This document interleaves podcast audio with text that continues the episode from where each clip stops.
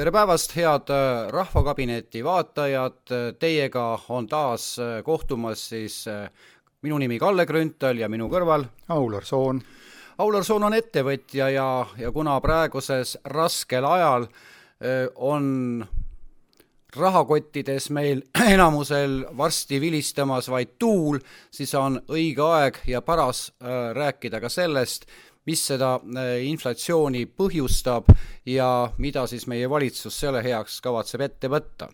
ja alustuseks enne, äh, hea Olar, kui ma sulle sõna annan, ma tahaksin ette lugeda ühe äh, uudise, mis täna tuli, mida ma kuulsin raadios, see oli siis Eesti Panga statistika ja see oli päris hirmuäratav. nimelt, eraisikutel oli mai lõpu seisuga pangahoiustel ligi üksteist koma kaks miljardit eurot. selle aasta suvekuudel hakkasid aga need hoiused tasapisi, aga samas ka järjekindlalt vähenema. ja igal kuul on hoiused vähenenud ligikaudu kümme kuni kolmkümmend miljonit eurot Aular, ole hea, sa oled ettevõtja ja kes veel paremini oskab seda rääkida kui mitte sina. mida see sõnum sinu jaoks tähendab? no vaataks seda niimoodi, et siin saab olla nagu kaks äh, baaspõhjust. üks põhjus on see, mida meie meedia taob, et vaadake, et inimesed kasutavad oma sääste praegu selleks, et äh, tasuda energia kallinevate toiduhindade ja muude teenuste eest ma ise arvan, et tegelikult äh, rahvas on saanud targemaks ja üritab kaitsta ennast inflatsiooni eest. ehk otsitakse variante, kuhu seda raha paigutada. kas siis kinnisvarasse, mingisse mm, väärismetallidesse ja mida iganes. rahvas lihtsalt on targemaks saanud. põhimõtteliselt äh, püütakse nii-öelda siis ma julgen öelda, väärtusetu rahapaber vahetada siis sellise äh, ekvivalendi vastu, mis äh, hoiab äh, selle raha väärtust stabiilsena. säilitaks, sest kui me vaatame seda situatsiooni praegu, siis me oleme täiesti Weimari vabariigi kursil, et seal samamoodi oli äh, selline nii-öelda inflatsioon hakkas kerima, iga aasta ta keris, algul oli ta kuus, siis kaheksa, siis oli ta kakskümmend viis, viiskümmend ja lõpetas seal, eks, juba tuhandete protsentidega noh, ma mäletan ka, olen näinud ju vana, vanusid fotosid, kus siis ütleme, lapsed mängisid rahapakkidega ja ladusid sellest torni, kus siis äh, äh läksid äh, kohvikusse kohvi jooma, siis pidi, oli kasulikum kohe raha ära maksta, sest vahepeal inflatsioon sõi, keris sellele paarsada tuhat marka juurde. vaata, lõbus, aga vaataks seda juurpõhjust ka, meile kogu aeg sisendavad äh, meie nii-öelda majandusanalüütikud ja, ja muud tegelinskid, et inflatsioon on tekitatud sellest, et äh, ei ole piisavat toodet ega teenust turul. aga tegelikult see ei ole päris nii. inflatsioon saab tekkida äh, siis, kui raha, mis on lastud ringlusesse, ei oma endale oma katet, eks. meil on praegu osale, osa, osalise reserviga panganduseks, mida see tähendab, see tähendab seda, et pangal ei pea olema selleks, et raha välja najata, ei pea olema sada protsenti seda raha nii-öelda seifis või, või arve peal, ta võib, ma ei täpselt ei mäleta, palju see reservi protsent oli, kas oli kaks või kolm, eks. see tähendab seda, et kui sada eurot ta välja laenab, siis ta peab endal olema kaks eurot, eks, raha seal arve peal tagatiseks, eks. ja see tähendab seda, et äh, kuna see välja laenatav raha ei ole tagatud millegagi, siis seda võib nii-öelda luua piiramatult juurde ja see ajab üles eh, kõik hinnad. Kujutame ette nendest, kuidas siis kinnisvaraarendajad saaks arendada, kui eh, kinnisvara ostjad ei saaks pangast laenu. kui tõesti pankadel peaks olema sada protsenti see vara olemas, mida nad välja laenavad, eks.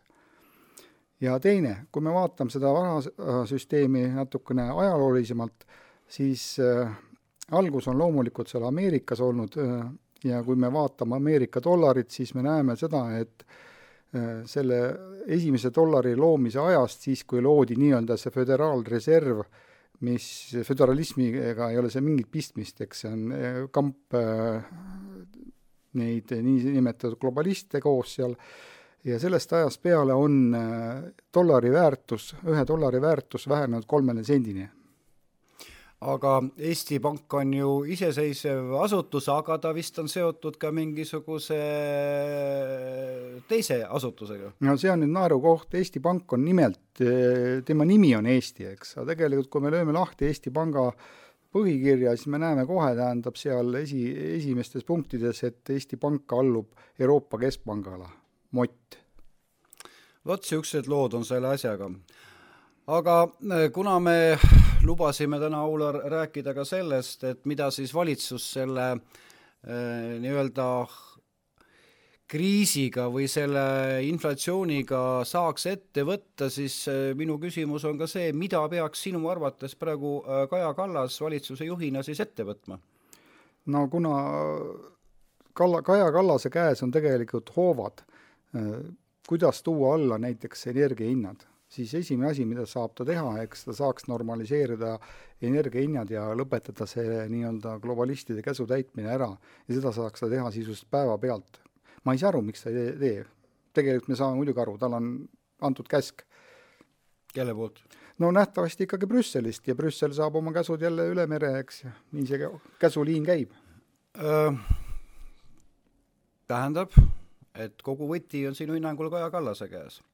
Selles mõttes, et Kaja Kallas saaks teha selle kui ta hooliks Eesti rahvast. just nimelt, kui tal on, kui ta oleks natukenegi äh, seda empaatiat, mida ta räägib, et tal on väga suur empaatiavõime, siis ta ju näeb, mismoodi inimesed praegu nii-öelda kannatavad selle hinna, hindade tõusu all ja ta teeks selle nagu nipsust ära, eks. no nüüd sa, Aulo, panid ikka paraja pirni maha, tähendab, kust pärinevad need sinu andmed, et tema äh, ei ole siis empaatiline inimene, juhul kui sa nüüd ütled, et sa jälgid niisugust äh, komöödiaseriaali, mida, mis jookseb siis iga kolmapäeval meil siin, see on see nimelt Riigikogu infotund, see on siis see koht, kus äh, saadikud esitavad siis äh, meie peaministri nime kandvale äh, Kaja Kallasele küsimusi, kas, kui sa viitad nüüd sellele, siis, siis ma jään isegi vastusega rahule.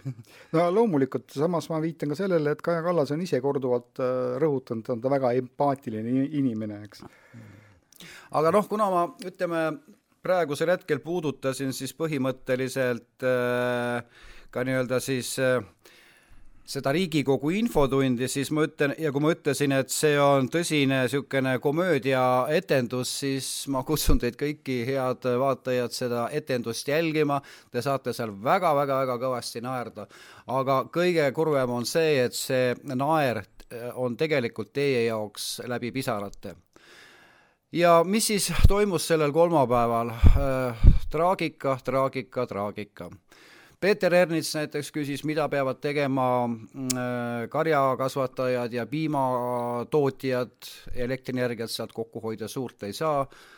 vastuseks tuli standardne, ees on rasked ajad, me peame kokku hoidma või seal küsiti seal mingi muu asja kohta, siis oli põhjuseks Putini tegevus, et tema peab sõda ja see on paratamatus ja mitte midagi teha ei anna.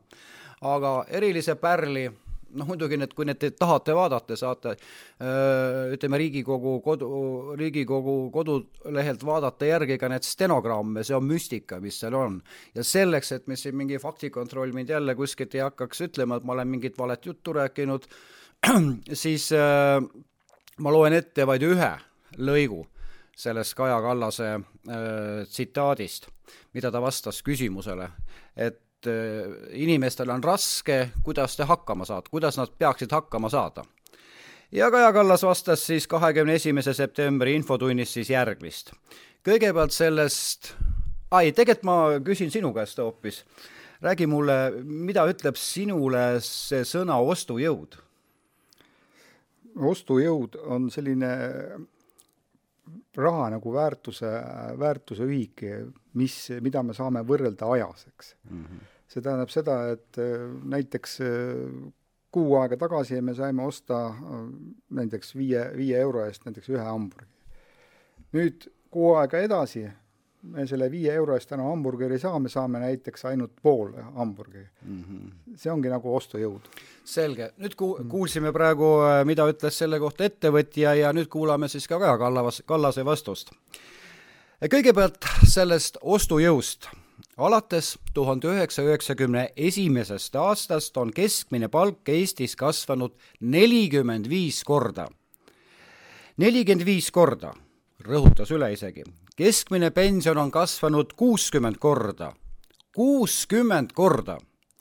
ja hinnad ei ole kasvanud nii palju ehk siis tegelikult inimeste ostujõud on kogu aeg paranenud. inimeste heaolu on kogu aeg paranenud. jah, tõsi on see, et praegu on meil raske aeg ja sellel aastal tõenäoliselt on esimene aasta, kui inimeste reaalne ostujõud ei suurene. aga me peame vaatama seda kogumis. nelikümmend viis korda on kasvanud keskmine palk tuhande üheksasaja üheksakümne esimesest aastast alates ja pension on kuuskümmend korda. niimoodi uhkustas Kaja Kallas. no, Aular, mis ma ütlen sulle? mis asja sa, mis asja te vingute kõik on ju hästi. Et mul, ma, ma jäin praegu sõnatuks, tähendab, ma ei ole seda stenogrammi enne ei lugenud ega kuulanud ka seda, ma jäin lihtsalt sõnatuks, ma ei oska sellist, sellist jama kommenteerida, noh. Vaata, mina ei osanud ka kommenteerida ja, ja, ja, ja ma jäl-, ma otsustasin sellel korral jälgida äh, selliselt, et ma ei sekku seal küsimustega ja ja päris selle infotunni lõpuosas ma siis küsisin Kaja Kallase käest väga lihtsa lause, et, et andke andeks, täiesti siiralt küsin, kuidas te ennast tunnete, kas teie tervislik seisund on hea? Kaja Kallas tõusis püski, viskas pastaka kolinal laua peale ja kukkus mind materdama, et ma ikka oskan igasuguseid provokatiivseid asju küsi-, küsida ja üleüldse olen paha inimene ja, ja siis selle triaadi lõpus siis teatas, et ta on täiesti terve. aga mis mis me selle teadmisega peale hakkame? see on väga hea teadmine selles mõttes, Aular, et et, et kui inimene oleks haige, siis me ei saaks teda vastutusele võtta, aga kui ta on täiesti terve, siis kannab ta täit vastutust majandusele, Eesti majandusele tekitatud kahju eest. ehk järelikult me saame nüüd täiesti kindlasti väita, et ta teeb neid samme, näiteks energiahindade mitte allatoomise samme teadlikult ta on teovõimeline, järelikult ta saab aru, et ta põhjustab inimestele ja ettevõtetele kannatusi, aga ta teeb seda mõnuga. aga eh, lõpetame tänase saate sellega, et eh, ütlen ühe mõttekäigu veel juurde, selle diagnoosi pani tem-, tema endale ise, vaja on ikkagi arstide hinnangut. aitäh teile vaatamast ja kohtume juba, julgen öelda juba nädala pärast. ja minge ostke väike hõbemunt ühe untsine maksab ainult vastavalt päevale kas kakskümmend kaheksa kuni kolmkümmend eurot, igaüks võib seda endale lubada kord kuus ja see säilitab natukenegi teie vara.